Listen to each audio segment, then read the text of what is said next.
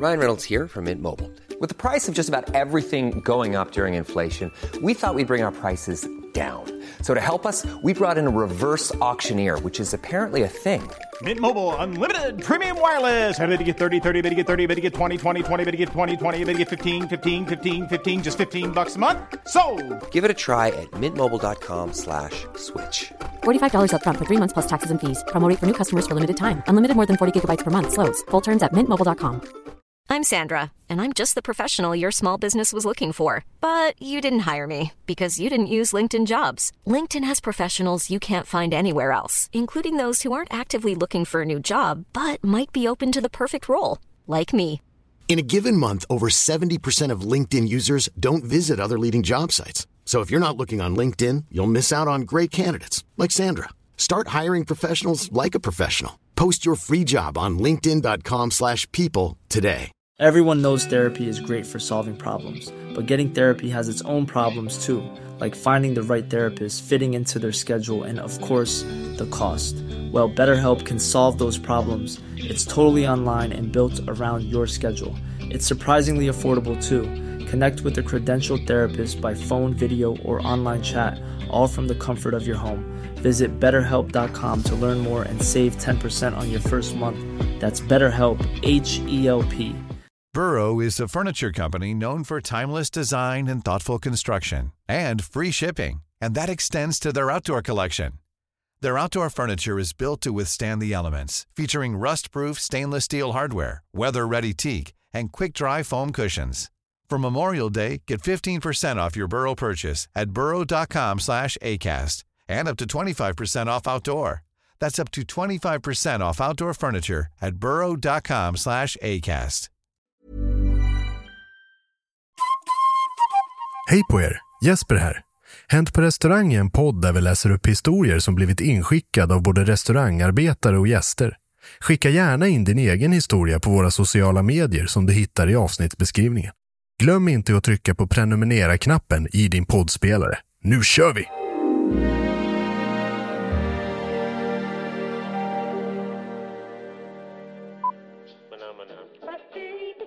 Det här är ju Erik Lallerstedt. Nej, nej, det är han Mannerström. Är det Mannerström? Bearnaise-entusiasten. Bearnaise-entusiast. Ja, det här är roligt. Vad fan är det där? Kör, kör, Vad är det för någonting?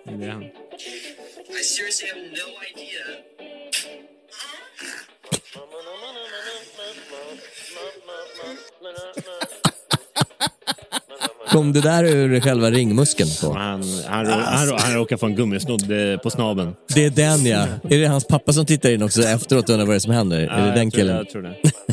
Han, eh, han jobbade uppförsbacke. I have no idea. Då kör vi rock'n'roll.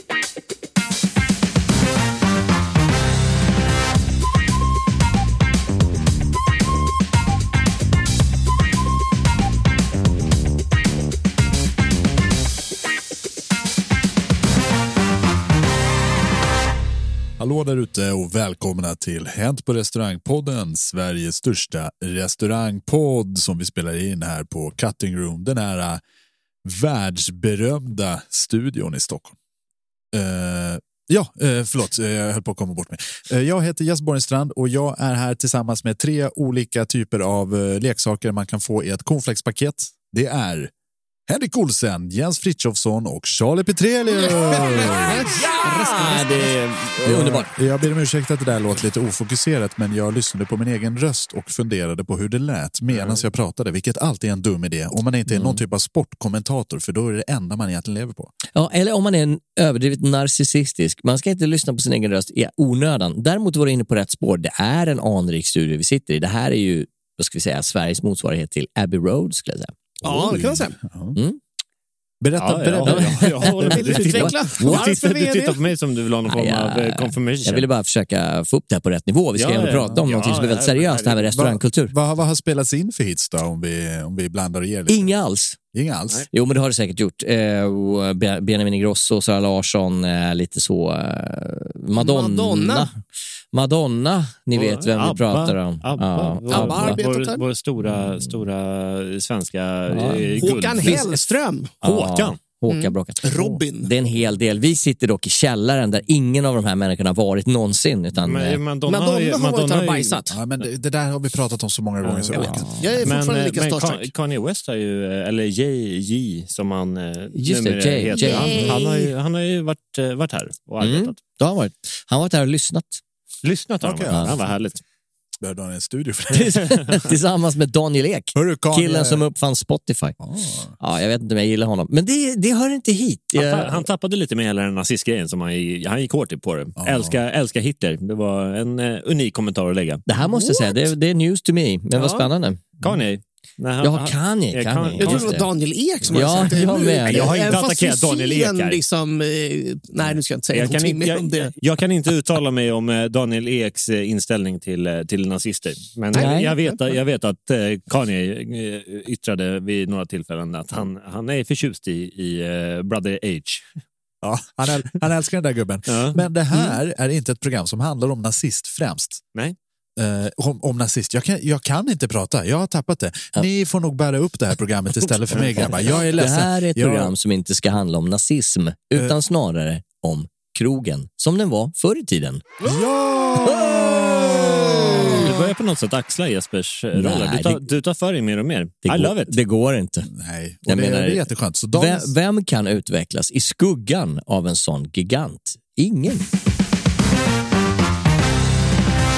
Härligt. Idag ska vi prata om krogen förr i tiden. Just det. Mm. Tjupidup-dup-dup. När du säger förr i tiden, vad, är- vad är perspektivet där? Är det förrgår eller är det Nej, 100 år sedan? 2016, 2018. Ja. Guldåldern. Nej, men Mm. eh, vi har väl lite olika, de flesta historier tror jag utspelar sig 80-90-tal som vi Mm. är inskickade. Jag har en liten, en liten kaka som går tillbaka till 1200-talet faktiskt. Ja, men det sådär, Vi, vi, kan, Respekt! ja, vi kan spara på den eh, karamellen aningens. Kan jag Det här tycker jag är intressant för att någonstans så i mitt huvud föds en liten tanke. Vad är per definition världens första restaurang där Det- man faktiskt bytte saker för att få mat på en tallrik? Typ? Eh, Världens äldsta restaurang nu i bruk. Ja. Eh, jag vet inte riktigt var den ligger, men jag tror I, att Bar- det i, i, Bar-. I Barcelona Nej, det där är inkorrekt. Nej. Eh, jo, det är det visst. Det. Nej. Jag, har, jag har nyss kollat på ett YouTube-klipp där världens äldsta restaurang eh, noterades. Eh, håll, håll en sekund ska jag bara. Jag läser till. Restaurant Bontin in Madrid, Spain has probably been the... Barcelona sa du. Ja, men jag... Okej. Restaurang Botin i Madrid eh, grundades 1725 och är fortfarande eh, in operation och det är Guinness World of Records som har registrerat det här som Det världens där, äldsta det restaurang. där, min gode man, är så ofantligt inkorrekt. Så att, Men alltså, skyll på internet. ja, jag tror att världens äldsta restaurang Mm. går tillbaka till ehm, om det är 8 eller 900-talet. Som är fortfarande i drift. Jag tror att den ligger i det Wien, om jag inte minns helt My, fel. mycket tror och... Jag, jag tror ingen, ingen där ute får faktachecka det här. Eh, men enligt, får vi på tafsen igen. Ja, men enligt, enligt det här Youtube-klippet som, som jag såg, som eh, eh, där och då kändes trovärdigt. Så någonstans runt ja. 800-900-talet. Hur gjorde man förr i tiden? Då var man tvungen att gå till någon som faktiskt visste saker och ting. Och så fick man fråga, ursäkta mig, men vet du vad som är? Och så sa han, ja det är så här. Nu, är det ju, nu, nu till och med så googlar man och sen så när man läser det så är det en killgissning. Det är helt otroligt. Exakt, killgissning i kvadrat. What's happening? Däremot så har jag varit eh, i Pompeji. Och eh, ni vet den staden som eh, vart eh, ödelagd av eh, eh, vulkanen Mm. Vesuvius eh, i Neapel där. Eh, år 79 tror jag det var. Mm. Mm. Ja. Eh, och där så på riktigt så var det ju restauranger och sånt längs gatorna eh, som har bevarad mat. Som man Jaha. faktiskt fick titta på.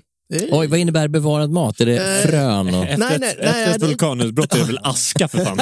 Ja, de, de, är helt, de är helt brända, det, det är korrekt. Men det var olika bröd och det var någon fiskrätt. eh, Nej, det nej, nej, nej, nej, nej, nej. Okej. Vesuvio. Ja, det var... Ah, dum. Den, eh, it had, to, it had Ja. to come. It had to come. Däremot så är inte deras restauranger öppna för business längre, men de Ja, eh, men det var är- ganska gamla. Ja. Ja, men okej. Men jag skulle faktiskt vilja att vi går, går och eh, tar fram det här utan att anlita någon tjomme på YouTube. Charlie Petrelius har fakta. Ah, Charlie Petrus har hittat fakta. Okej. Ni kan faktachecka mig nu. Okej. Det är en restaurang som heter Peter och sen ett efternamn som jag inte ens försöker uttala. Okej. Eh, finns i Salzburg i Österrike Mhm. och den grundades år 803. och är fortfarande aktiv. Finns det en bild på den? Inredning, inredd Eh, 2023. Eh, ja, säkert. Eller? Men, eh, men på riktigt, det här är, eh, visar, visar bilder där. Men 803 är den här restaurangen grundad. Varför är din skärm så in i helvete mörk? Man har inget batteri kvar. Okej. Jag är student, jag måste spara på allt. Vad, vad sägs om att vi struntar i den diskussionen och rullar in på en skön story? Gärna. Jens Frithiofsson. Ja, vad, ja tack, höll jag på att säga. Ja, vad vill du? Aggressiv. Det här är på temat förr i tiden, inskickad av Lars-Olof Sjöström. Härligt. Han minns en beställning av en råbiff på Sturehov. Jag fick in den med en massa tillbehör. Uh, ursäkta, men jag har faktiskt inte beställt en konjak. Det är tillbehör, kom svaret pilsnabbt. Och det här var troligen i början på 80-talet. Så på början av 80-talet då var en konjak ett tillbehör till råbiff. Kan jag tycka är Ja. li- lite sexy. Genialiskt, Ja, ja, Ja, herregud. men du, du häller ju en konjak i råbiffen, har du aldrig gjort det? Jo, jo, jo, Ja, jo, ja, jo, jag tänkte gud. väl att ja, du ja, hade det. Var ja, därför för du fan. fick den historien. Ja, Ja. Men det är ju ingenting som man häller i sig själv. Liksom. Jag, jag skulle Utan aldrig spoila en råbiff. blandar ju ihop den. Fan, fan Jo, då. Har du aldrig testat det, Charlie? Aldrig testat. Varit lite ovetande om den här Det är trenden. tunggung. Men tunggung. är det någon speciell konjak eller vilken som helst? VSOP. Nej, men det är konjak bara. Konjak, ja. Kon- Det är nog inte den absolut bästa. Det är ingen, det är ingen ordage liksom. Nej, jag har aldrig testat det. Jag känner inte heller till det. Och då har jag ändå jobbat på eh, Sturehov. Ja. Är det, här, är det här någon trend som fortfarande lever kvar i det svenska folkhjärtat? nej. Nej. Nej, den håller väl på att försvinna. Jag, jag jobbade med en eh, kock som nästan skällde ut eh, hela bordet som vi satt med när vi var ute och åt för att folk inte beställde in konjak till sin råbiff. Så han tvingade oss alla att göra det. Så att alla som tog råbiff, vilket var ungefär 75 procent av crowdet eftersom det här var ett restauranggäng, eh, tog in eh, 3 centiliter konjak och hällde i råbiffen. Mm. Är Underbart. det, är, det, är det bättre än en naturell råbiff? Det är väldigt gott, så kan jag säga. Okej. Men Mm. rå, råbiff naturell är också väldigt gott. Väldigt, väldigt gott. Det, det är som att ja. säga vilken av sina barn som man älskar mest. Det Ja, det äldsta givetvis. Ja, okej. Men jag tror också det är svårt liksom, med alkoholpolitiskt att eh, tvinga på folk en eh, konjak så fort de beställer en råbiff. Så att det där är, Ja, eh, vi bor ju i ett land va, av små människor som inte vill att vi ska kröka ner oss. Ja, jag är bara 1,70. Varför luktar det bränt här inne? Jag vet inte. Nej, det är den här jävla tequilan. Ja, det är tequilan som luktar Den, ruggigt. den luktar lite... Varför tittar du på Charlie? För han, han, kan inte, han, han skulle kunna bo i en tequila. Och ändå. Det är min. Jag, skål på er. Skål. Av någon anledning så är det valda medlemmar i gänget som dricker en tequila med En sån 1800, kokosnötsflavor. vad heter de? 1800 heter den givetvis. Ja. Jättebra tequila. När började, ni, när började ni? Minns ni ert första restaurangbesök eh, mot bakgrund av att det var lite längre sedan? Nej, jag kan inte komma ihåg mitt första, men jag kommer ju givetvis ihåg eh, de fantastiska kvällarna i Karlstad där jag är uppvuxen med familjen. När man eh, gick på restaurang och fick beställa en pizza och eh, det var, det var rök i hela lokalen på, Ah, på den tiden man fick rök in. Så, så min, mina första restaurangupplevelser är ju i samband med den här marinerade Marlboro-doften som osar i lokalen. Mm. Ja, men det där var ju en klassiker. Det var ju alltid gula Blender mellan varje jävla rätt. Eh, och det innebar att du hade ständigt någons fimp i eh, öronhöjd, höger eller vänster sida, valfritt Ja. kan man säga. De enda gångerna som någon sa till var när, när det kom in barn och då fick man blåsa åt andra hållet. Ja, ja, ja, alltså, ja, men det var hundra procent så. Ja, men så var det ju. Men, Respect. Ja, och, det var, och det som var så sjukt var att det var ingen som reagerade på det här. Nej, fimpa i tallriken. Ja, men det, var, ja, men exakt, det, var, det var, fanns ingen som helst, det var inget konstigt Ja, det med var norm. nej, men fim, fimpkoppen var ju för fan ingjuten i själva bordsskivan. Ja, det, var ja, faktiskt, det, var ja, liksom, ja. det var ingen snack om saken. Nej. Jag menar, stod det så här rökning ej tillåten, då var det lite så här, wow, what? Ja, det är någonting som inte stämmer där. Ja. Var, det, var det här eh, någonting eh, som ni eh, Jag, rök, som, som jag rökte som det här? fan men på krogen. saknar, saknar ni det? Inte alls. Nej, inte ett jävla dugg. Jag, menar, jag, jag rökte, jag tyckte jag var cool när jag rökte. och det var way back. Eh, och då satt man och rökte, så här, man käkade. Man, man kunde ta en tugga, sen så drog man några bloss. Ja, det, jävla det, är så, Det- ja, det- jävla sopa. det, det är dekadent. Ja, det är det, det är liksom extra allt. Och Ja. jag uppskattar lite det på ett twisted kind of way. Ja, men du gillar också fortfarande att röka. Jag, menar, jag slutade tycka att det var nice för ja, en, en stund sedan. och, jag menar, nu. nej, men ja. nej, men så, jag menar, det är ju... Däremot så kommer jag ihåg hur jävla skönt det var när förbudet kom och man kunde äta utan att behöva bli rökförgiftad. Det, det var en, en, en uppdatering. Jag minns ute i Bålsta eh, på en eh, nattklubb där som jag jobbade. Det var också en restaurang. Eh, Den kocken han rökte pipa i sitt kök. Medan Ja, han hade det-. Det är, Kapten Haddock. Kapten Haddock. Nice. Nej, men det är, Jesper, ditt, ditt eh, första restaurangminne, kommer du ihåg det? Jag kommer ju från en arbetarfamilj. Va? Givetvis. Vi hade inte råd att gå på krogen. Vi, ni stann- var krogen. vi stannade på McDonalds när, när vi for, ner till Stockholm för att träffa liksom barndomsvänner. Så jag var för, första gången på krogen som gäst när jag var 15 år gammal. Rökte man på Donken då? Nej, det gjorde man Nej, inte. Men, men när jag var där 15 år, då, då rökte ju folk. Ja. Eh, Men då minns jag det väldigt väl, för då beställde jag in en lövbiff med pommes och bh. Jag tyckte det var så jävla gott. Mm. Mm. Elefantöra. Mhm. Åh, gud vad gott. På anrika gamla bykrogen i Orsa. Mm. Du då Henke? Eh, Mitt absolut första minne, jag kan inte säga hur gammal jag var, men jag, det måste ha varit på typ någon Kina-krog eller något sånt där med en sån liten damm inuti restaurangen. De har såna gigantiska guldfiskar. För jag vet att, att jag blir dragen i örat av morsan för att jag håller på att mata de här guldfiskarna med fimpar. Jens, du då? Är du en sann djurvän?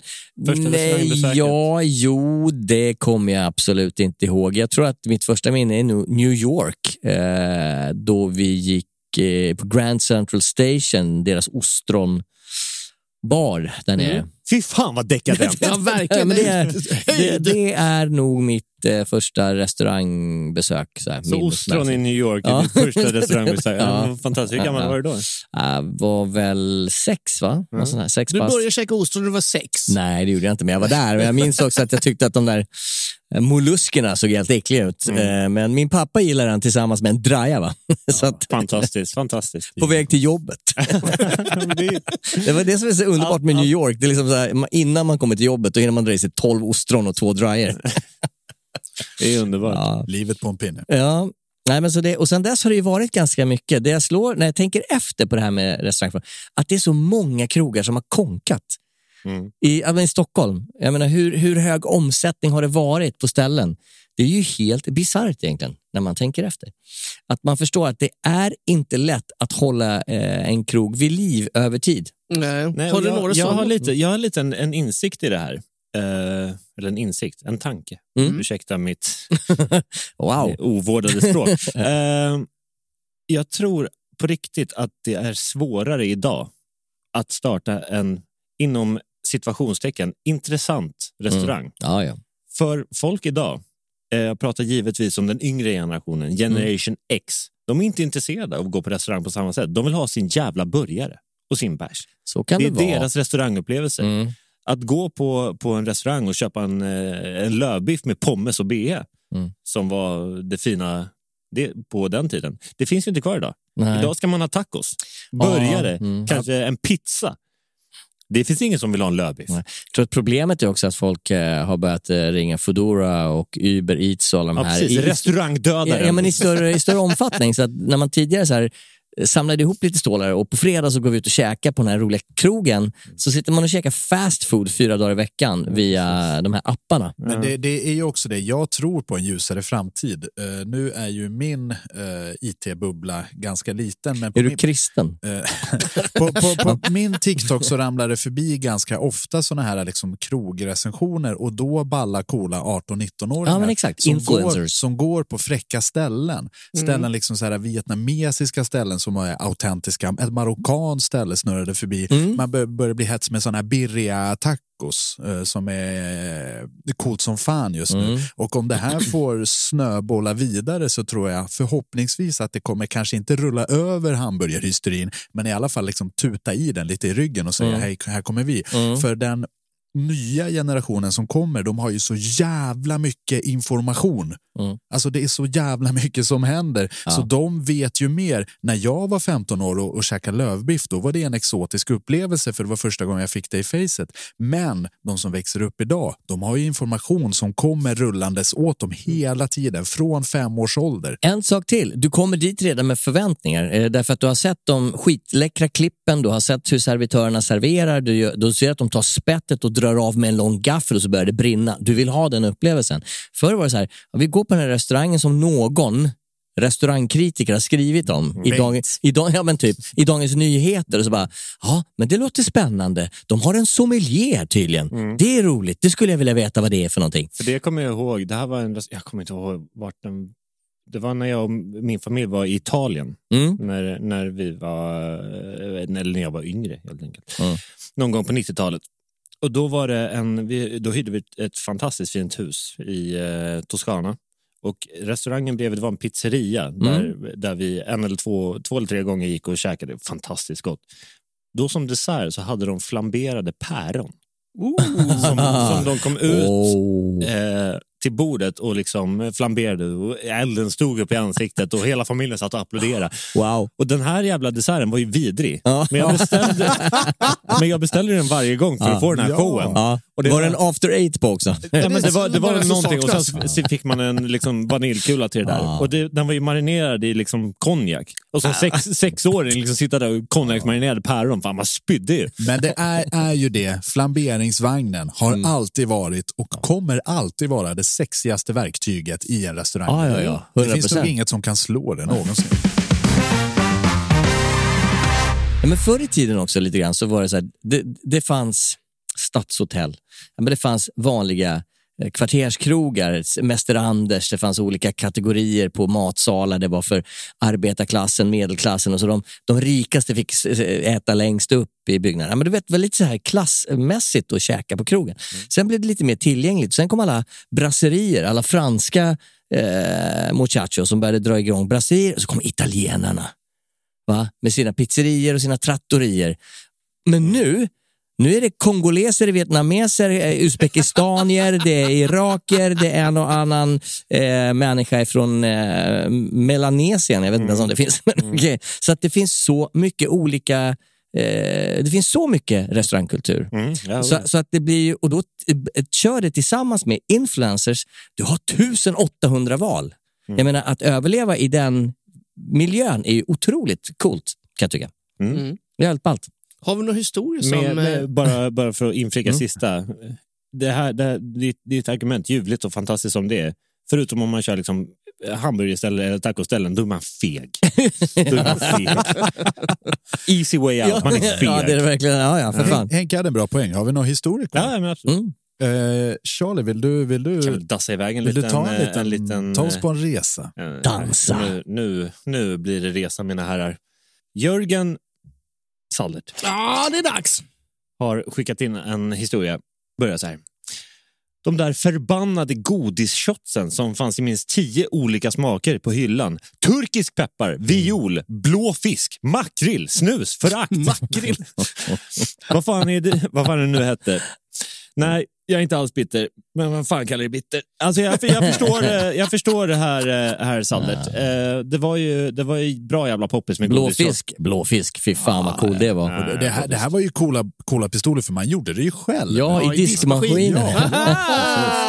Och det var ju ballt. Idag så är det ju bara liksom eh, sour fisk och, och tropic ananas eller vad de heter. Och det är alltid färdiga grejer som man köper. Det fanns ju en viss romantik med de här omärkta eh, spritflaskorna som man hade blandat sin egen shot Ja, man gick på färg. Ja, exakt. Ja, det här gjorde jag ganska sent, vill jag minnas, i min, eh, min uh, unga karriär. Vad? Stra- Sprit? Nej, men strax innan jag fyllde 18 Mm. Så hörde man ju talas om det här att man kan smaksätta med godis. Mm. Så då köpte jag en vodkaflaska och så tryckte jag ner lite, lite kolanappar i den där. Och fan, det var ju gott ju. Det var ju svingott. Kanon. Vad fan, varför kunde man inte det när man var 15 liksom, och satt och, du satt och sög på den här rena bl- vodkan? Du hade varit, varit blind. hade Men alltså, jag, jag minns början på min karriär eh, i krökning, det vill säga liksom tidigt 2000-tal. Då var ju lakritsshot det coolaste du kunde dricka. Mm. Eh, Men det har liksom försvunnit lite. Kan du beställa en lakritsshot idag? För då kunde du göra det på alla ställen i hela Sverige. Mm. Var du än landade. Vare sig det var liksom Franzén eller Jockes bygg och sprit. Liksom. Mm. Men det finns väl fortfarande den här eh, hallon, hallonlax eller vad fan det heter. Den, Ja. den, ja, men den heter väl så? Det? Hallonlax. Hallon. Hallonlax. Konceptet i sig är bananas. Ja, men sen, sen så, det, det kanske har försvunnit lite från, från eh, svenska innerstaden, men fjällen och, och framförallt om man passerar till vårt kära grannland Norge, så är ju det gajol. Ja, Någonting som, det. eh, som står varmt och går varmt i, I, i alla i, I lokaler. Norge, i Danmark gör de väl ännu mer. där. Det är ju fan danskt skräp det där. Gajol! Ja. Gajol, Sen så har de den här det. turkisk peppar som också är vidrig. Ja. Ja, men jag gillar det här. Jag gillar det här. Det här är skitbra. Men, menar, och det här är väl en spritkultur som dök upp för så här 15 år sedan, 15-20 år sedan. Ska jag Ja, jag säga. skulle- jag skulle Mer. säga mer. Jag skulle säga slutet på 90-talet där. Ja, men det är men det. sen, sen så dog det ju av en sväng innan det, innan det fick en rejäl jävla uppskjuts med, sa, Mintu. med sourfisk framförallt. När sourfisk kom så var ju det Ja, shotten det. på the win för alla. Mm. Det slutade med liksom att folk beställde vinglas med, med den här. Mm. Fan, vad gott. Jag gjorde det för det är några år sedan. Men då drack jag hot shot i vanliga rocksglas. Ja. Det var ju bra vidigt. Nej, Ja, det jag- låter jävligt jag, jag har haft det på drinklistan, lång hotshot. Jaha, så där. Ja. Läckert. Ja, det är fint. Men det här med krogen för. Eh, jag backar tillbaka där. Eh, jag, det kan, jag om. kan prata sprit också. Jag älskar det. Sprit Ja. är gott. Eh, gärna en massa flavors. Men, men det här med att förväntningar på att gå på krogen eh, förr i tiden, 80-tal, 90-talet där. Då, då man, som sagt, man visste ingenting. Det var, och så fick man en meny framför sig. Och Det var jävligt häftigt. Och Det var första gången du kom i kontakt med den här restaurangens utbud av mat. Idag tror jag att folk bestämmer sig för vilken restaurang de går på redan långt, långt, Ja, långt ja, innan. ja, ja, 100 procent. Genom att liksom surfa sig fram på sin telefon. Men jag Och- tål inte nötter. Nej, men exakt, och de kommer liksom redan fram till att ja, vi, ja, men vi skulle ha gått på den här, men rätt nummer 42 på den här restaurangen är mycket mer intressant. Så det, det är ju liksom slaget om gästen sker i mobiltelefonen. Ja, den börjar långt, långt tidigare. Och det tror jag Ja, är, liksom ett, ett, ett nytt eh, battlefield. Ja, för, men det, men det är ganska roligt för eh, krogen som jag jobbar på för tillfället, Mm. eh, den otroligt vackra vinbaren Volare i Visby City. Fantastiskt. Underbart ställe. Där har vi ju inga menyer som ligger online. Nej, Och det är ju för att vi byter meny ja, men, en till fyra gånger i månaden ungefär. Så vi, och det är jobbigt att göra på nätet. ja, men det, det, är, det är onödigt och det är roligare för, för vi tycker att det är roligare för en gäst att komma dit och se vad som finns på menyn. Vi har Mm. en kött, en fisk och en vägg. Mm. Och that's about it. Liksom. Och, och det snurrar vi på ganska ofta. Men det är väldigt många människor som inte accepterar det här, ska jag berätta för er mina damer herrar. Mm, så. Eh, Mm. Som ringer, jag hittar inte er meny online. Eh, Nej, nej, nej, nej, vi byter ganska ofta så vi tycker det är onödigt att lägga upp. Men hur ska jag kunna veta vad jag ska äta? Men om du kommer hit eh, ska så, du få vi, veta. så har vi skrivit upp det på en liten lapp som du kommer få i handen när du kommer hit. Kallas för meny. Ja. Nej, men, men det, det där är ju lite grann ett, ett uh, tvåeggat svärd. Eh, Det där med menyn är not so interested, men vinlistan älskar jag om den finns online. Jag menar, om du, kan- du kan ju gå på ställen där det så, Åh, det här är jag sugen på att dricka. Åh helvete, de har kistler, bla bla bla och det här. Och, och så bara, wow, dit vill jag gå. För mat kan för min, i min värld vara sekundärt i relation till vad jag dricker. Ja, ja, ja såklart. Jag menar en köttbulle smakar köttbulle vad man än är. Nej, du. nu stoppar du fingrarna i fel du kakburk, kan jag säga. och pratar om Kistler och såna Mm, här, liksom, så här extravaganta producenter. Mm. kostar ju pengar va? Mm. Som det ser ut nu har vi ju bara råd med ett halvt glas av ett riktigt, riktigt dåligt lådvin. Så vi måste bryta för reklam för att få in de här Kistlerpengarna. Ja. Men ni som är på Patreon, ni får en extra story istället. Här kommer den. Shubidoo-wow!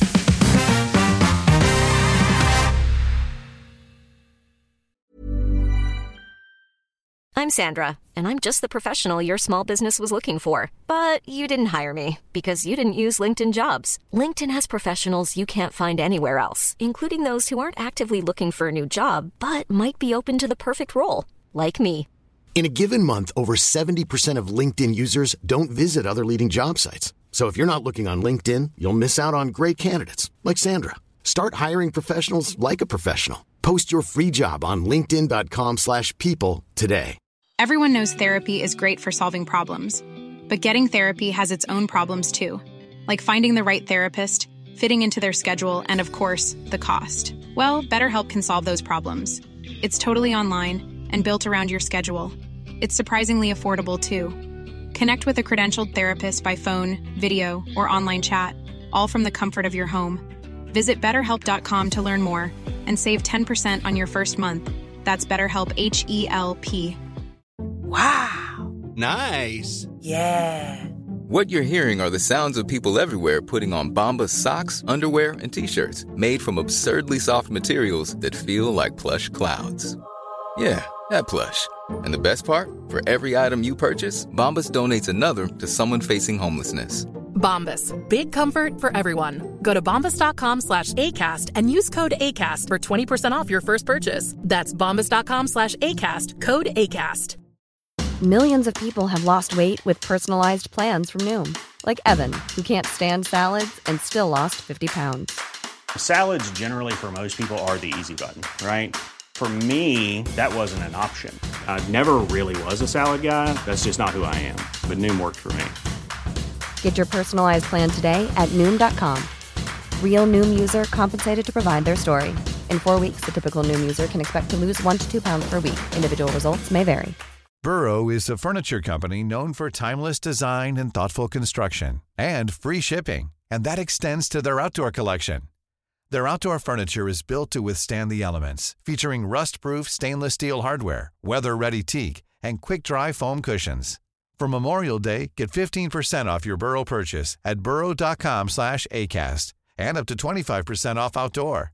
That's up to 25% off outdoor furniture at burrow.com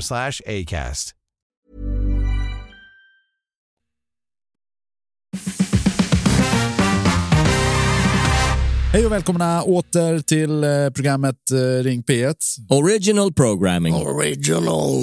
Mm. Vi har fått in ett samtal från Ingrid som önskar eh, Where the fuck is Alice med Smokey. Så här kommer den. Det är faktiskt en helt bra klassiker. Jag har faktiskt en kul liten story jag tänkte dra in här. Också inringd från- mitt upp i alltihopa kom en liten story på temat Ja, förr det i är tiden. sjukt. Ja, det här är så jävla galet. Mm. Lotta Lindskog hon har några sköna funderingar runt det här. Sent 80-tal, innan de moderna kortbetalningarna kom och man skulle redovisa den gula delen av slippen som sen skulle skickas in. Man kunde jaga gästen flera kvarter när de hade tagit med sig hela slippen. Finessen var också att man kunde festa utan pengar den 24 varje månad eftersom pengarna i alla fall inte skulle dras förrän slippen var inskickad. Ah. Smart. Och sen var det det där med rökningen. Va? Alla rökte, gäster rökte, personalen rökte. Man hade askkoppar i förklädesfickan så att man snabbt kunde byta askkopp när man ställde ner maten. Det är jävligt sexigt. Jag tycker det är underbart. Först får man liksom maträtter och sen boom, in en ny askkopp. Det är jävligt fräscht. Regeln var att alla hade sin station och bara gick med sin egen mat. Ingen trunk och dricksen behöll man själv. Märkliga tider. Ja, Alltså det här, vi ska inte prata med dricks. Vi har pratat om det för mycket. Vi har pratat om det för mycket. Men trunka dricks, boo, boo, ja. boo. Men, eh, en sak fastnade hos mig i den här Mm. redogörelsen eh, som Lotta hette. Ja. Ja, tack Lotta. eh, de här jävla slipparna som skulle räknas. Ja. För, för du, har, du, drar ut en, du, du drar ut en Z-rapport och då, då säger den du har 24 stycken kortbetalningar. Då ska du ha 24 stycken slippar. Ja. Annars vart kassan inkorrekt. Du får inte Ja, ut de här nej. pengarna.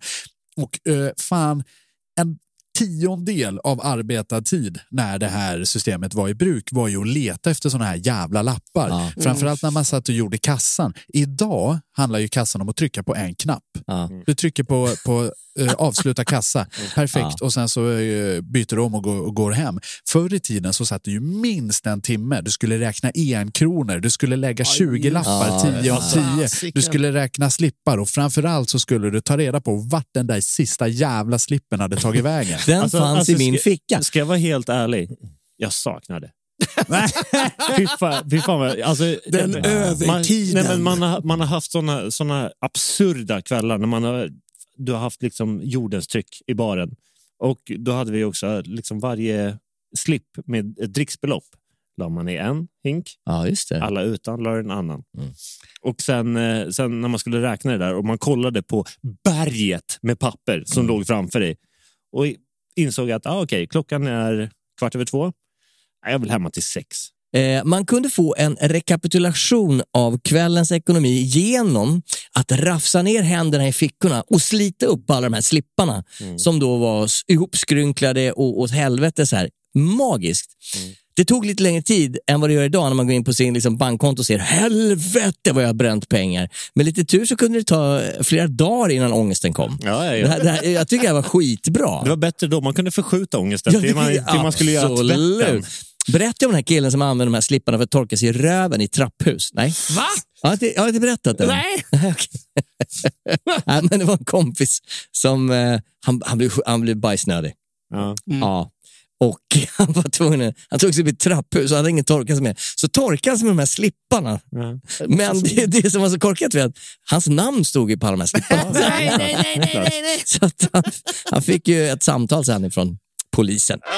Ja, lite korkat. Nej, men jag tycker det, det är underbart. Han var det, inte nykter. Nej, men jag tycker att det är underbart. Du, du kan ju väldigt mycket om den här historien, så det är bra att det är en kompis, eller hur Jens? Ja, ja. Det, är en, det är en vän. Ja, det det är, en, det är en vän till en vän. Han, läm han, lämnade ju, han lämnade ju alltså eh, lite bevis efter sig. Och på Ja. de här bevisen kanske man kunde se vad han hade haft för någon sås till sin mat. Mina damer och herrar, det har blivit dags att spela Gissa såsen!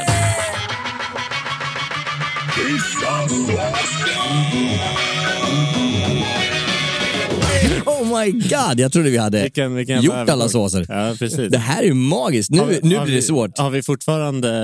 Eh, är det bara såser som gäller eller pratar vi... Maträtter. Den här gången så är det blandat. Blandat? Ah, vad bra, för jag tänker såser, fan jag kan ju bara de här såserna vi har dragit. Nu är det väldigt svårt. Ja, alltså, vi gick igenom eh, alla såser jag kunde första, första. Sabayon, är sabayon det är ingen sås va? Sabayon är väl...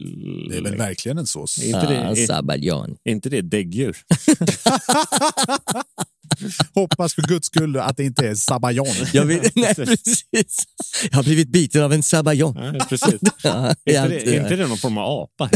ja, jo, det skulle kunna vara det. Nej, men, Man eh, vet inte. Vad spännande, gissa såsen. Vad, vad kul, mitt absoluta favoritmoment. Ja, jag ska försöka att ge er en chans. Gången- Eh, ska, vi, ska vi ropa ut, eh, förklara reglerna för mig? Jag har glömt sen förra gången. Det blir dags att spela Gissa såsen. Det här är alltså ett, eh, en frågetävling i eh, sann På spåret-anda. Där vi kommer ta oss igenom fem stycken antingen såser eller anrättningar eh, av historisk börd. Jag kommer börja läsa historien om en anrättning och när man kan, eh, tror sig kunna svaret, så ropar man ut sitt namn. Och där då får man svara och först den att ropa ut sitt namn får tre poäng. Svarar man fel så kommer jag fortsätta läsa till eh, nästa person som skriker ut sitt namn. Den kommer få två poäng. Kan inte den så blir det ett och så vidare till noll. Fantastiskt. Det här är kanon. Eh, Jag siktar på tre år bara, bara så ni vet. Ja, jag, jag, Du, du, du har väl rekord på, jag tror att du fick nio poäng eller sånt där Ja, spelade för några veckor sedan. Vi ska hur se. många gånger har vi kört gissa såsen? Det här är gång nummer fem. Gång nummer fem. Jag tror att jag har ett rätt totalt. Det är korrekt. det är korrekt. Ja, men vad spännande. The, we are ready. Fantastiskt. Perfekt. Då har det blivit dags att eh, sätta igång eh, veckans runda av Gissa såsen. År 1976 fick den, denna kapten med ett hemsnickrat recept i tidningen Allt om mat. Till kaptenens maträtt föreslog tidningen kokt ris, grönsallad och... Jens. Jens? Sjömansbiff. Jesper, Jesper för två poäng. jag tror det här är en eh, flygkapten vi talar om. Jag tror att det är flygande Jakob. Oh, får två poäng tar han fram det. Det är korrekt. Nej, klippa på. Ja. Två poäng eh, flyger upp. Vad tog du på? Du tog det på kapten? Kapten, och jag har hört den här historien tidigare tror jag. Ah, okay. I- Inte av dig, men eftersom jag är kultiverad till skillnad från eh, Joppe och Jonne här borta. Ska vi fortsätta läsa om Kör på. historien om eh, flygande Jakob? Till kaptenens maträtt föreslog tidningen kokt ris, grönsallad och rosévinet Perleros. I- Ingen aning ifall det är skitsamma, det är Perleros. Perle Rosé. kanske. Ja, så heter det. I kaptenens recept hittar vi exotiska ingredienser som vi bara kan anta att han fått med sig under sina många flygningar som kapten på ett fraktflyg. Denna flygande rätt består av bacon, chilisås, grädde, saltrostade jordnötter, inte från, eh, från flygplanet dock, banan, bacon, kyckling som sedan ugnsbakas. Allt detta i den flygande rätten. Flygande Jakob. Det här, mina, mina Mm. vänner, är min absoluta haträtt. Jag avskyr Flygande Jakob. Vet Jag har vad- ätit den en gång. Vet Den, vad- den här vet- jävla bananen, den är inte hemma där. Jag tycker det är ganska gott nej, faktiskt. det var väldigt länge sedan jag käkade. Ja, men jag har varit lite sugen på att laga. Ja. Vad vi kommer göra utan dig, det är att vi kommer göra en flygande Jakob. Och det är då Henrik, det är jag och det är Jabo. Så korkar vi upp ett riktigt bra vin också. Ja, Pärleros. Men ba banan, curry och nötter, det, det, det skär sig i både hjärta och själ. På det bästa sättet tänkbart, ja. Ja. Det är som My Chemical Romance, ett bra skär. Nu kör vi! Jag trodde den här var äldre än så. 76, det är alltså året innan jag föddes. Oj, Åh, då, då är jävlar. det ju riktigt gammalt. Svinegammalt! Oj, oj. Det är dags för rätt nummer två. Många hypoteser har framförts kring ursprunget till namnet på denna rätt som utgår från en mycket tunt skuret kött. En historia är att rätten härstammar från en iskall kväll där kocken bara lyckades skära köttet i mycket tunna skivor. Yay. Nej, jag bara låter. Jesper, Jesper, Carpaccio. eh, vi fortsätter läsa för två poäng. En annan berättar om en tandlös gourmet som bad kocken att skära köttet i mycket små bitar eftersom han var tandlös. Maträtten kan också fått sitt namn efter Alexander Grigiovic. Pip! Han gav banketter som alla var inbjudna till där maträtten var lätt att tillaga i stora mängder och ändå uppfattades som hyfsat välsmakande. Vår maträtt finns i lite olika variationer världen över men namnet är detsamma vart man än befinner sig. I USA består rätten av strimlor av oxfilé med svamp, lök och sour cream-sås och serveras över ris eller, an- eller med vridna äggnudlar. I Storbritannien serveras denna version av rätten vanligtvis med krämig vitvinsås medan mer autentiska versioner ofta är en gryta med rött kött med en skopa gräddfil som serveras separat ovanpå.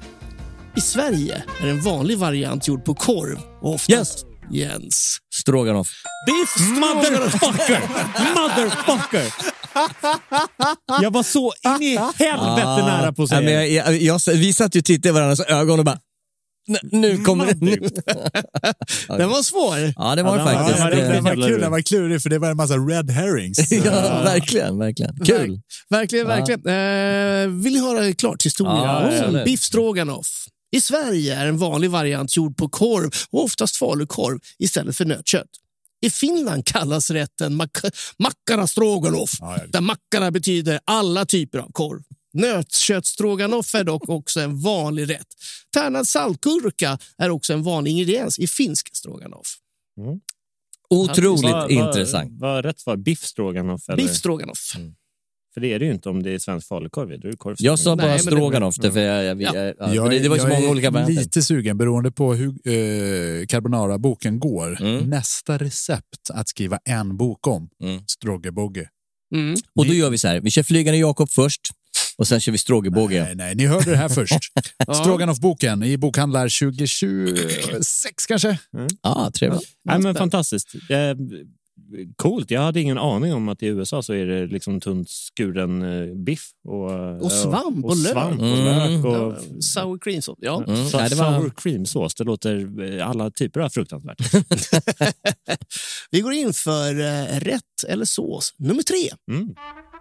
Restaurangen vid Rue Mont Blanc i Genève i Schweiz har gett namn till såsen vi nu söker. På denna restaurang serveras endast en rätt. Det är en entrecote med denna sås som baseras på ett smält kryddsmör, friterad Ja, ja, potatis... Jens. Nej, Jens. nej, nej, nej. Ja, du har sagt nu. nu har sagt. nej, nej. Det var inte jag, det var en Disney-figur. Nej, ni men, nej, men, han har ju sagt då Hörde får ni hur märkligt det lät? Jesper, Jesper för tre poäng. Café de Paris. Oh my god, för tre poäng så bara går han upp i Det var, det var faktiskt det jag skulle Wow! säga. Vad, vad tog du det här på då?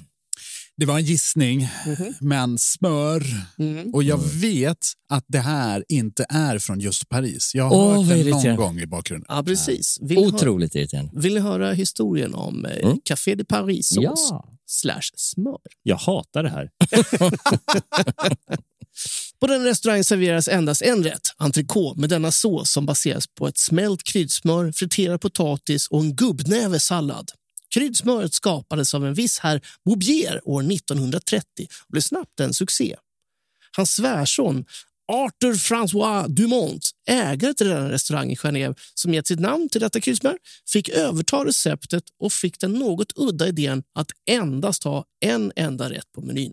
Entrecote med detta populära kryddsmör. Receptet är hemligt och det finns många imitationer varav många inte alls liknar originalet. Originalsmöret antas innehålla flertalet örter bland annat dragon, timjan, persilja och dijonsenap, vitlök. Maträtten tillagas genom att smöret läggs på en skiva entrecote som därefter värms så att smöret smälter. Man får då maträtten entrecote café de Paris.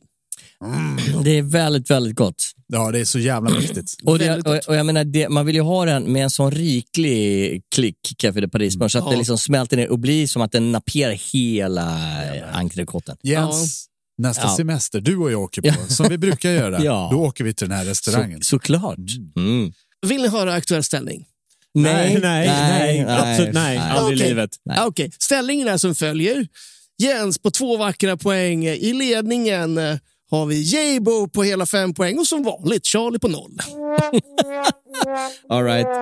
Det, det är mera, nu, nu, nu kör jag. Är det, är, det, är det två frågor? Kan jag fortfarande vinna?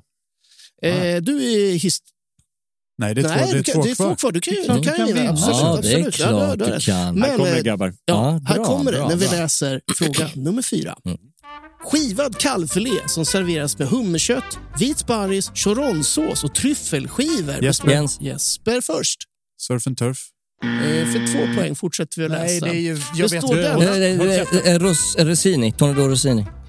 Jens Tornedor Rossini. För en poäng fortsätter vi att läsa. Här kommer den grabbar.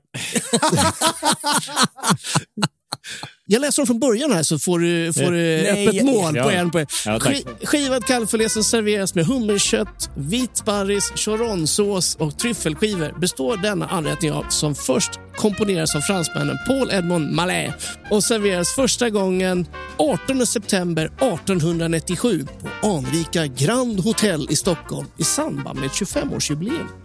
Hans mästerverk bestod av att kalvfilé på en spegel av choronsås formade ett O.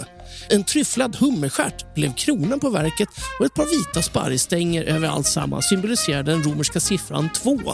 Detta ihop bildade kungens krönta monogram och fick således namnet efter kung Oscar den andra. Vi söker filé Oscar. Kallfilé Oscar brukar det också kallas för. Aldrig hört talas om filé Oscar? Men DJ Fågelholm där borta? Men, DJ Fågel. men, men- ursäkta, fick jag inte svara? Nej. Men vadå? jag Jag, jag, jag ville ju höra hela historien innan jag svarade. Det är klart jag visste att det var Oscar. Ja, ja, självklart, självklart. Du kan ju inte bara svara åt mig. Jag, ska ha ett där- poäng. Jag ska ha konstigt. ett poäng. Det där är konstigt. Du får, du får Nu, ett, nu jävlar. ett poäng. Varför svarar du inte när du visste? Jag ville höra din vackra röst till slut. Fattar ju vem som helst. du det fick bra. poäng här. Så att du har möjlighet att eh, komma upp eh, och komma till en, eh, åtminstone en andra plats. Kallfilé Oscar, det äter jag ju dagligen för fan. Det är precis det din, din studentplånbok eh, tenderar att ta Ja, det där, jag tycker det är fult där, men tack för poängen. Vi har kommit till den sista såsen. Sås nummer fem. Klassikernas klassiker bland såser. Det är ungefär två... Brunsås! Ch- Charlie, brunsås. Vi läser vidare för två poäng. Fan. Jag var tvungen att chansa. I ungefär 200 år har den krämiga och dragonsmakande såsen förvill- förgyllt våra tallrikar tillsammans med en köttbit och pommes. Men Jens Frithiofsson. Jag, jag hade ju kunnat det här. med. Jag hade ju kunnat det här. Eh, säg- Det har varit lite... Alltså bearnais- bearnaisesås. Nu är det lite snabb på, på, på gröten så att vi läser vidare för en poäng. Då. Jaha, fuck också. Såsens feta textur gör att få smaker passar så bra ihop som bea och vin. Men med tiden har även varianter av såsen dykt upp. Bland annat såsen vi nu söker som är en tomatbaserad bearnaisesås. Jesper, Jesper. du nämnde den ju i tidigare inlägg. Är det choron? Det är choronsås! Ja, men det ska du ha Jesper, det var bra. Det var, eh, här, har- här får du en penna i huvudet. Verkligen. Ja, nej, precis. Om jag läser vidare här. Fan, jag var helt hundra på att det var B där. Ja, ja. Och den är ju baserad på B. Men med tiden har även varianter av såsen dykt upp. Bland annat såsen vi nu söker som är en tomatbaserad bearnaisesås uppkallad efter en fransk köks- köksmästare. Såsen används, som vi redan lärde oss tidigare, i rätten filé Oscar där den tillsammans med en bit kalvfilé bildar ett O på tallriken. Åh, oh, vad gott. Ja. Mm. En poäng eh, fick vi eh, från eh, Jesper Borgenstrand.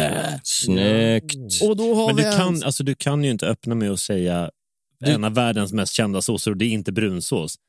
Det är, det, det är ju på rikt- det är för att sabotera. Ja, det är så. Ja, Ja, jag ja. tycker det är lite fult. Ja, ja det, det kan vara sant. Ibland så är det tricky det här. Ja, så det är är det. Så är det. lurigt. Char- Charlie är som en hund. Om någon säger liksom eh, gå ut så blir Världens bästa band. ABBA. Nej, det är inte Ah, rätt. Och, och, och, och frilla. Ja. Ja, Ja. vad tråkigt. Men ja. gud. Men det är väl Mm. kämpat alla tre. Vad, blev, vad blev slutliga poängställningen? Om vi kollar från botten till toppen så hittar vi på en hel poäng Charlie Petrelius. Grattis för, till eh, poängen. Mm. På andra plats på två poäng, lite bättre, så hittade vi Jens Frithiofsson. Men veckans vinnare är på sex poäng Jesper Borgenstrand! Bravo! Honom ska vi ha! Hurra, hurra! Nej, men jag får säga grattis. Ja, Tack, ja, det får man göra. Mm, nej, men det är jätte, jätte, jättebra. Stort, verkligen stort. Eh, Henke, Bra tack så såsar. hemskt mycket för, för eh, showen. Ja, Tack själv. Tack själv. Ska vi rulla vidare till eh, en story? Mm. Kör. Här kommer en historia. Mhm. Från Anonym. Ah. Gäst. Ursäkta, du har inte eh, lust att ringa en taxi eller? Servitören svarar då givetvis. Jo, absolut. Var ska du? Gäst. Hem fattar du väl? Ska sova. På temat vadå? Dum i huvudet eller? Vad, vad, vad, är, vad, är, vad är temat? Nej, men Ja, hela, ja, hela temat är ju back in the days. För fan. Inte vem, ber servitören att ringa en taxi? Alla sitter ju fan bländade sina Ja, jävla mobiltelefoner. Det är verkligen någonting som var, som var väldigt, väldigt populärt förr, att man ringde taxi till höger och vänster. Det har försvunnit lite. Men det gör väl alla? Man sitter ner så säger man till servitör... Först gör man så här.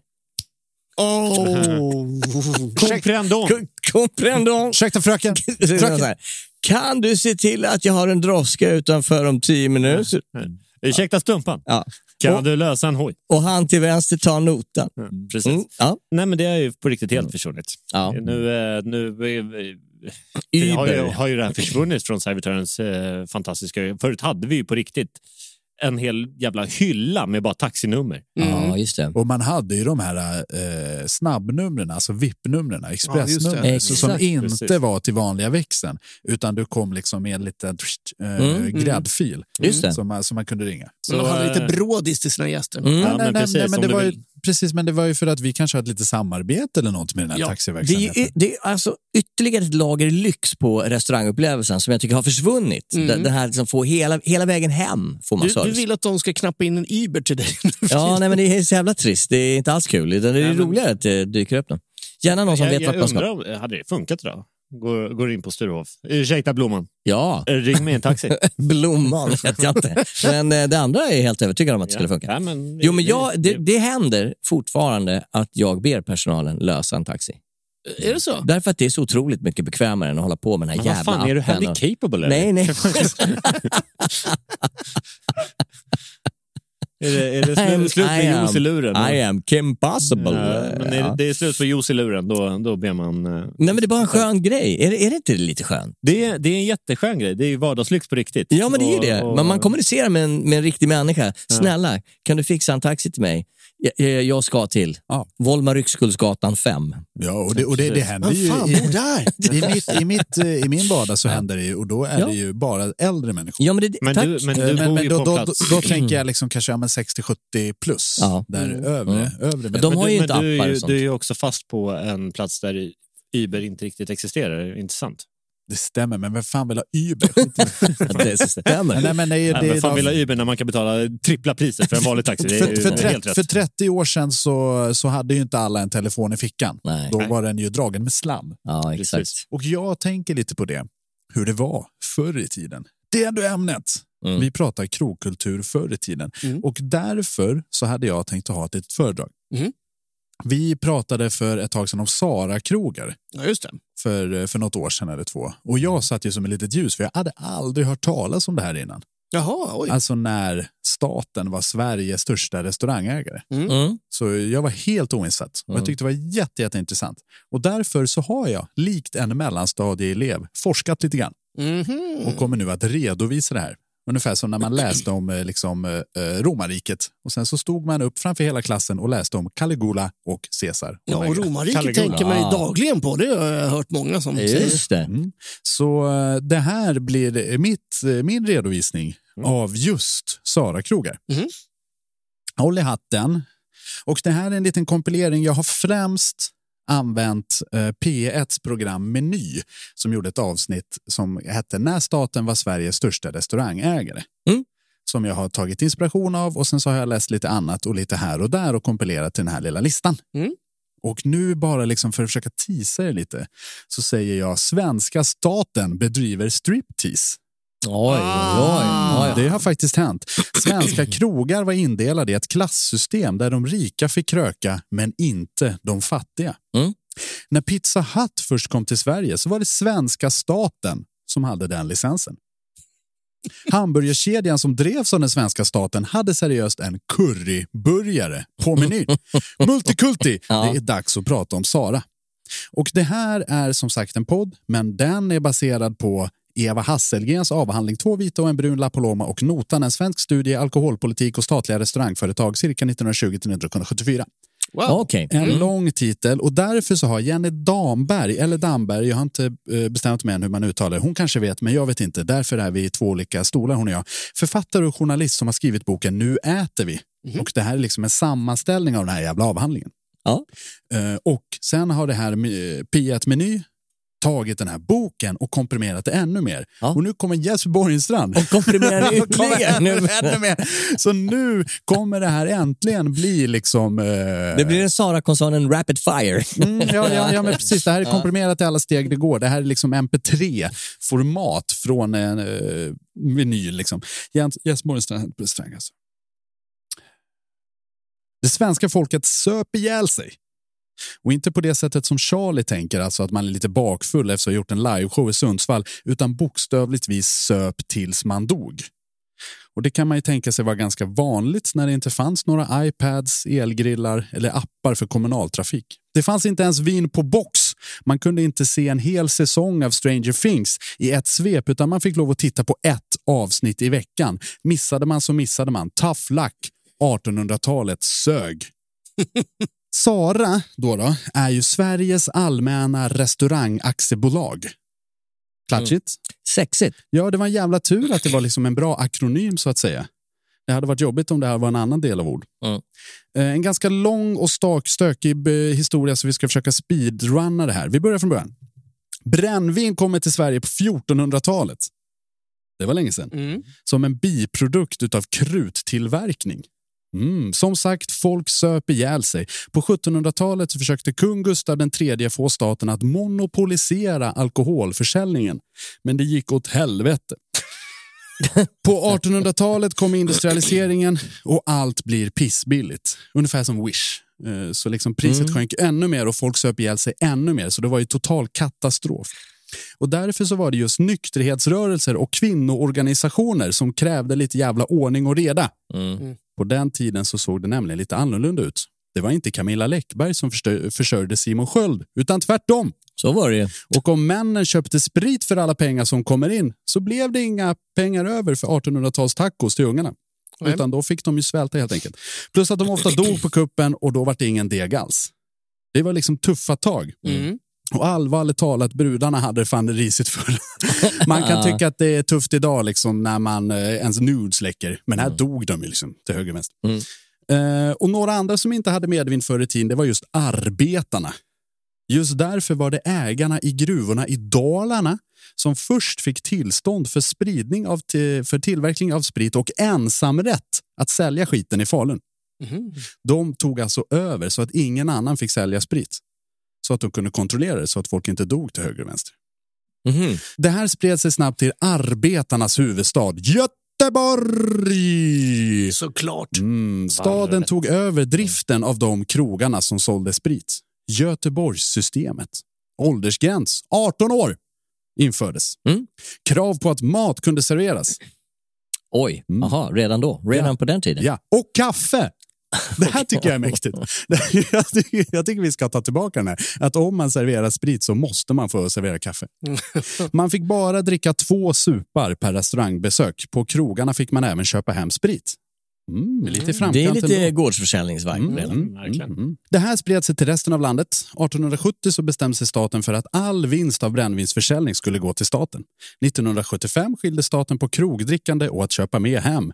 Och om man skulle köpa sprit så var det speciella systembolagsbutiker som var statligt drivna. Systembolaget baby! Oh, där kom det då. Alltså. Efter då Göteborgssystemet som Systembolaget öppnade.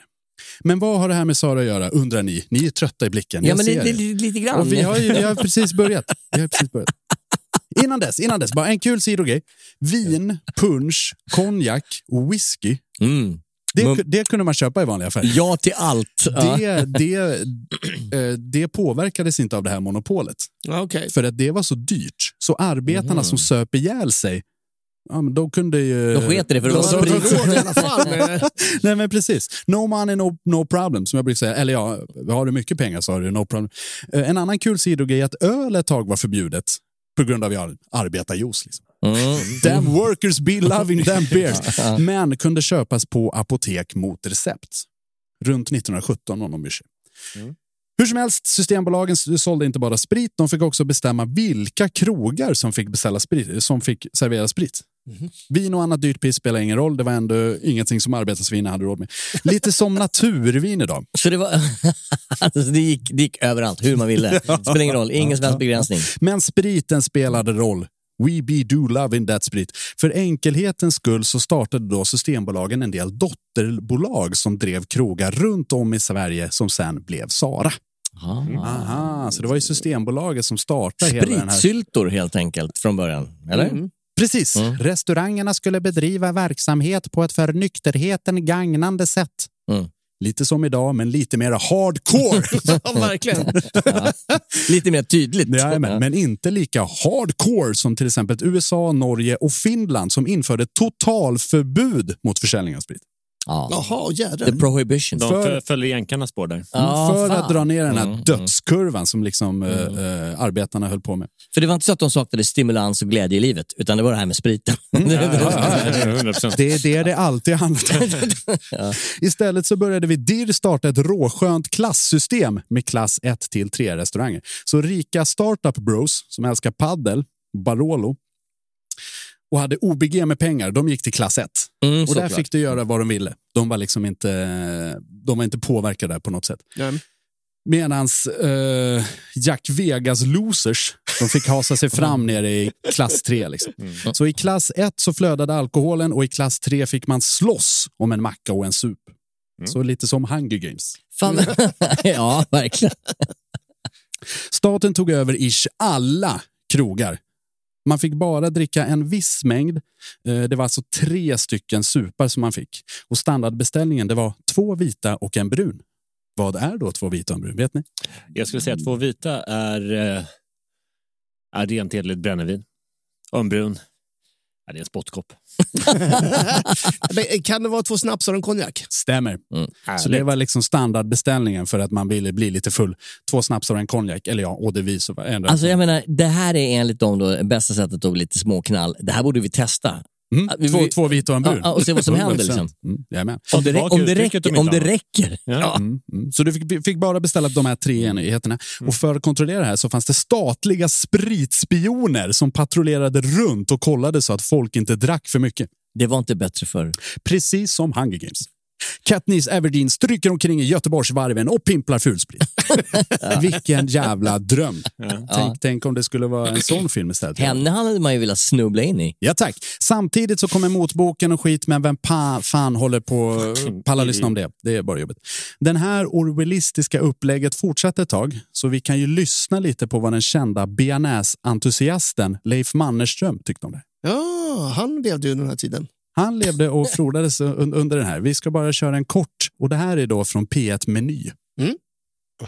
För det var ju så här, det fanns ju både en finare matsal och så fanns det då en, eh, en trea, tredje klass där gubbarna satt. Det var väl en annan gumma också kan jag tänka mig. Och där var ju något som hette mattvång. Man måste, ha, man måste ta mat om man skulle få sprit. Som det hette på den tiden, två vita och en brun. Det, här- det här var ju precis då Eh, samma år så var jag som eh, motboken upphörde. Men, eh, så man kunde gå till krogen då och få, få lite grann att dricka.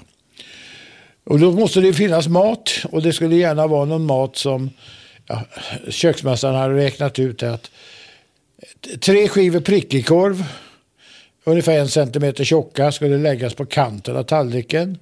Och sen så la man på en skopa bruna bönor.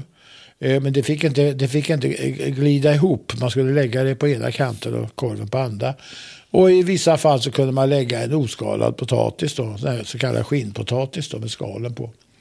Och sen så kom servitrisen och hämtade den här maten och så sparkade de upp den där svängdörren och så gick de in och så efter en liten stund så kom maten tillbaka. Då hade gubbarna fått sitt brännvin och det de skulle ha sin ranson som det hette.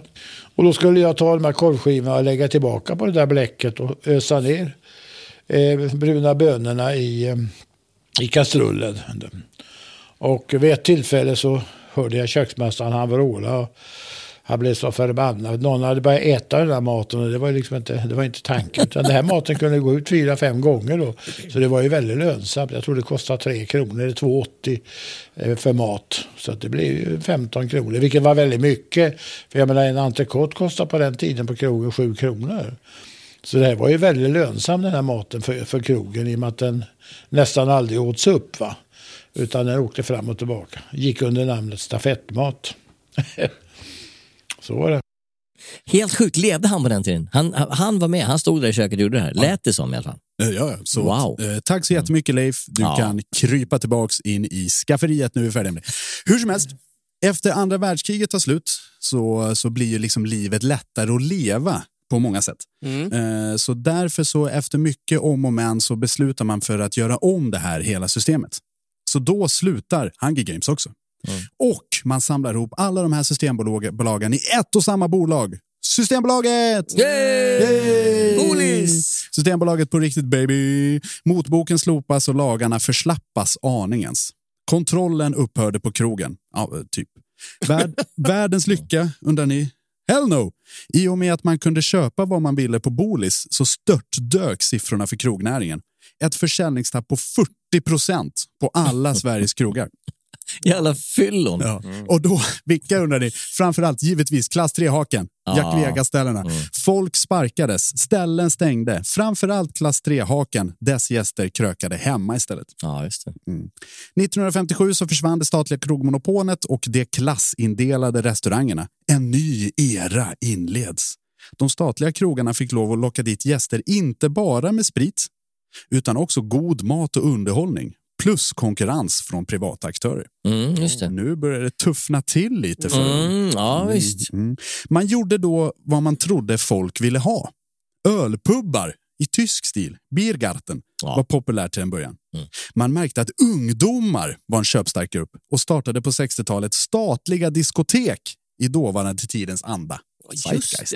Hur dags var det här sa du? Eh, 60. Nu är vi någonstans på 60-talet har vi all right. kommit till. Mm, ja, just Med go-go-dansare och cigarettflickor. Kasinoverksamhet. Ett jävla madman-mys. Ja, verkligen. Ja.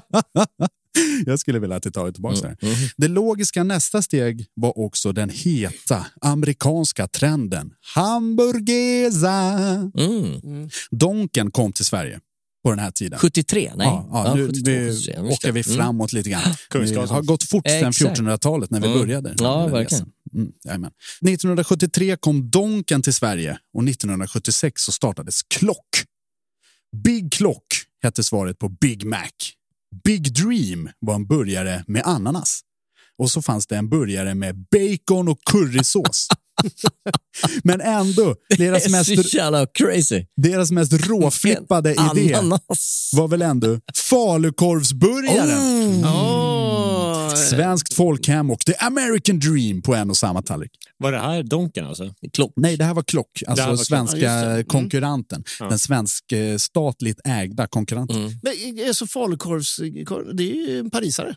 Mm, norrländsk parisare brukar man kalla det. Ja, precis. Ja. Ja, det ser man ibland eh, när man är norröver. Ja. Men hur som helst, det här gick inte så jävla bra. Från och med 1950-talet så har kurvan i princip pekat neråt. En av de sista andetagen från Sara-bolagen var att köpa upp licensen för att starta upp Pizza Hut i Sverige. Helt galet. Det är så Va? jävla coolt. Den svenska staten alltså som startade upp Pizza Hut i Sverige. Det är så jävla ballt. Det mötet hade man velat vara med på. Ja, ja, verkligen. Grabbar. Jag har en vision här. Ja, det var Och det, det är det bästa med det är en jävla skillnad på Pizza Hut och att ta över alla Sveriges krogar för att bekämpa att folk super ihjäl sig. Ja, det är lite roligt. If you can't beat them, join them. Ja, eller hur? Jajamän. 1985 är vi framme till. Vi har kommit ikapp Orwell. Eh, Sara bryts mer och mer ihop. Krogar stänger, krogar säljs, bolag går i konkurs, bolag säljs. Elden från den en gång så lysande brasan som var Sara-koncernen slocknar i början på 90-talet och askan efter krogimperiet sprids med vinden ut i intetheten. En jävla otur bara att man aldrig fick äta den statliga falukorvsburgaren. Mm. Mm, mycket häftig historia. Ja. Snipp, snapp, snut, så var sagan slut. Lyssna jättegärna på programmet. Det heter eh, P1 Meny när staten var Sveriges största restaurangägare. Och då får man hela sagan. Det här är Jag, jag, jätteintressant. jag skulle Ja. jättegärna vilja testa hela den här menyn med två vita, en brun, plus Mm. den här eh, bruna bönor, eh, några, några tjocka prinskorvar, några tjocka prickkorvar skinnpotatis. och, och, eh, någon brödbit eller vad det var. Alltså, skinnpotatis. Ja, precis. Skinnpotatis. Riktigt hardcore. Och det kostar ändå några spänn. Här tre- tre två- kronor. 280 va? Det, det är också som är roligt med det här. Det är att våran svenska alkohollag, den har ju suttit kvar där från tidigt 1900. Anledningen till att man måste ha ett eh, tillräckligt kök för att kunna servera riktig mat, det är ju för att folk söp ihjäl sig. Mm. Det, det lever kvar. Frågan är om folk skulle göra det utan det här. Eh, Jag var, eh, mitt, min svärfar en gång i tiden, han jobbade inom Sara-koncernen som kock. Eh, I Uppsala bland annat, i Stockholm och sedermera i Kalmar. Och jag menar, det var en tsunami av tyska kockar som kom. Ja, men det var som att Sara-koncernen sa så här, vi behö- de hade inte så mycket bra kockar. Och, och, och det var inget yrke i Sverige riktigt. Det var kallskänkeri och sådär, men kockar var inte så vanligt. Så att det var ju väldigt mycket tyskar som eh, la grunden till det här. Det här har vi pratat om. Ja, Mm. Tyskarna har ju lagt grunden för det svenska folkköket helt enkelt. Ja, ja men, Svenska- ja, men svenska eh, lite så. Sara-koncernen och deras... V- eh, vad var den sista Sara-restaurangen i Konka? Vet vi det? Mm, Eh, nej, men lyssna på P1 Meny Mm. när staten Mm. var Sveriges största restaurang. Så får du säkert reda på det. Just det här också att man, eh, monopol, eh, man gör ett monopol av restaurangbranschen är ju sjukt. Ja, ja, ja, de hade ju alla krogar. Du fick ju inte starta en egen För du måste ju ha avreglerat en massa privata ställen på resans gång. Mm, mm. Jag menar, för det fanns ju... Eller helt enkelt tagit över dem. Ja, bara... Ja, ja. Nu, nu är det vi som bestämmer. Det blir falukorvsburgare, det blir bruna bönor och skinnpotatis. Det blir ananas på burgarna. Men vad skönt att vår, att vår liksom trångsynta alkohollag Mm. har sin grund från liksom 1800-talet när, när alla söp ihjäl sig. Brännvinsbältet. Ja, men verkligen. Men Så- klock finns ju kvar. Gör det? Ja, det är väl en eller två va? Ja, men typ. Det finns eh, två stycken ställen. Jag bilade förbi en klock här nu på min väg norrut ifrån eh, Kalmar, eller från eh, Ja, men Skåne. Men det de har måste fått- vi ju besöka. De har ju Ja. fått någon typ av liksom sån resurgence eh, Mm, sen, mm. senare är det inte år. Sundsvall som har en klocka? Eller är det Gävle?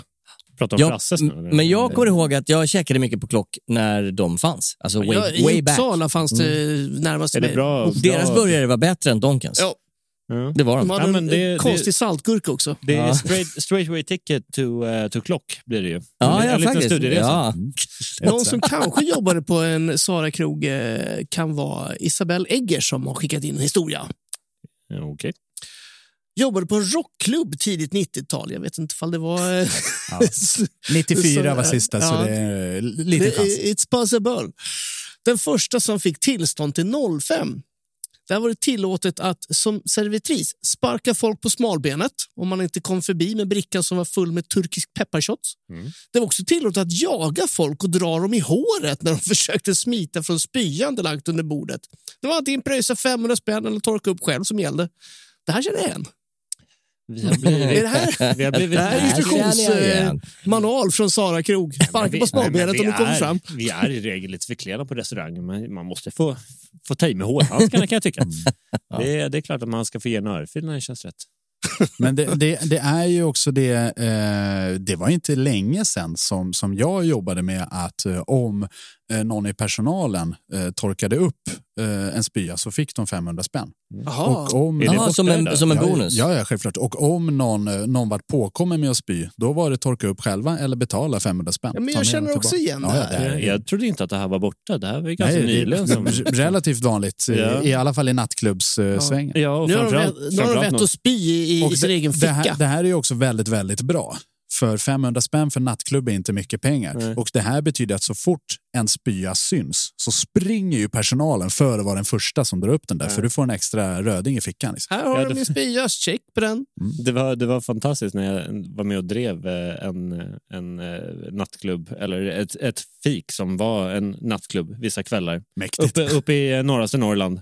Och så var, gick man ner på toaletten och såg att någon hade räknat en riktig pizza. Och man bara, fan, öh, behöver jag städa upp det? För då visste jag inte om det här. Nej. Jag började bara, fan behöver jag städa upp det här själv? Nej, jag ringer till städ. Och bara, ursäkta men jag har en, en spya här. Ja, jag kommer!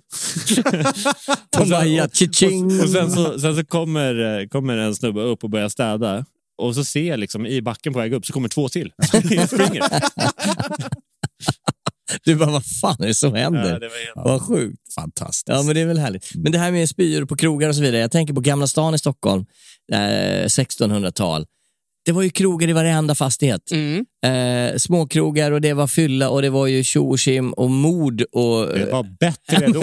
men jag menar, det är lite sjukt. Som franciskaner, ska vi inte gå dit och käka? Åh, det är, vad gott. det är ju en sån här klassisk Ja, öl jag var där för ställe inte så länge sedan faktiskt. som har funnits väldigt, väldigt länge. Mm. Eh, och Jag tycker det är lite häftigt. Så någonstans i det, ur det eh, har det spirat en kultur som sedan staten satte kniven i. Nej, men jag, tycker, jag tycker, ska man uppleva det här på riktigt, då, då ska vi ju klä upp oss lite, gå till Gyllene Freden och, och skjuta ut oss ordentligt och krypa ut därifrån. Ja, jag är med. Gå, gå, gå in alla Bellman. Och vi börjar med två vita och en brun. Ja, två vita och en brun och lite, In- och lite bruna bönor. Herregud. Innan vi ens har satt oss ner. Vilken, vilken toppenkväll. Det här kommer bli ett grupparbete för oss. Ja. Men innan det har vi ett sista grupparbete att klara av tillsammans. För tiden börjar rinna ut för dagens avsnitt. Like sands through the hourglass. So are the days of our lives. Äntligen. Så, vad brukar vi säga? Köp strumpor! Köp strumpor. Köp T-tröjor. Mm. Gå, Barblades. gå in på H&M och köp strumpor. Nej, vad ska jag? Gå in på häntpårestaurang.se eller handparestaurang om man ska vara sån internetsavvy. Mm, hålla på. Uh, Barblades är coolt så att man kan öppna flaskor. Vinöppnare. Vinöppnare. Vi säljer också Mössor. take away-lådor med bruna bönor och skinnpotatis och prickig. De kommer färdigkylda. Gå in på patreon.com. Mm. Kolla läget. Mm. Gör det bara. Mm. Gör det bara. Kolla, kika lite. Eller, eller spara pengarna och gå på krogen. Eller spara pengarna och gå på krogen. Man får göra precis vad man vill. Vi lever i en fri värld, till skillnad från tidigt 1900-tal där man inte fick göra vad man vill. Och det här ska vi ta tillvara på, mina damer och herrar. Var fria, var ni, var vaksamma, var friheten själv. Tack för idag. Fred, kärlek och fanet. Vi som har gjort programmet heter Jesper Borgenstrand, Jens Frithiofsson, Henrik DJ Hångel Olsen och Charlie Petrelius. Hej då! Hej då!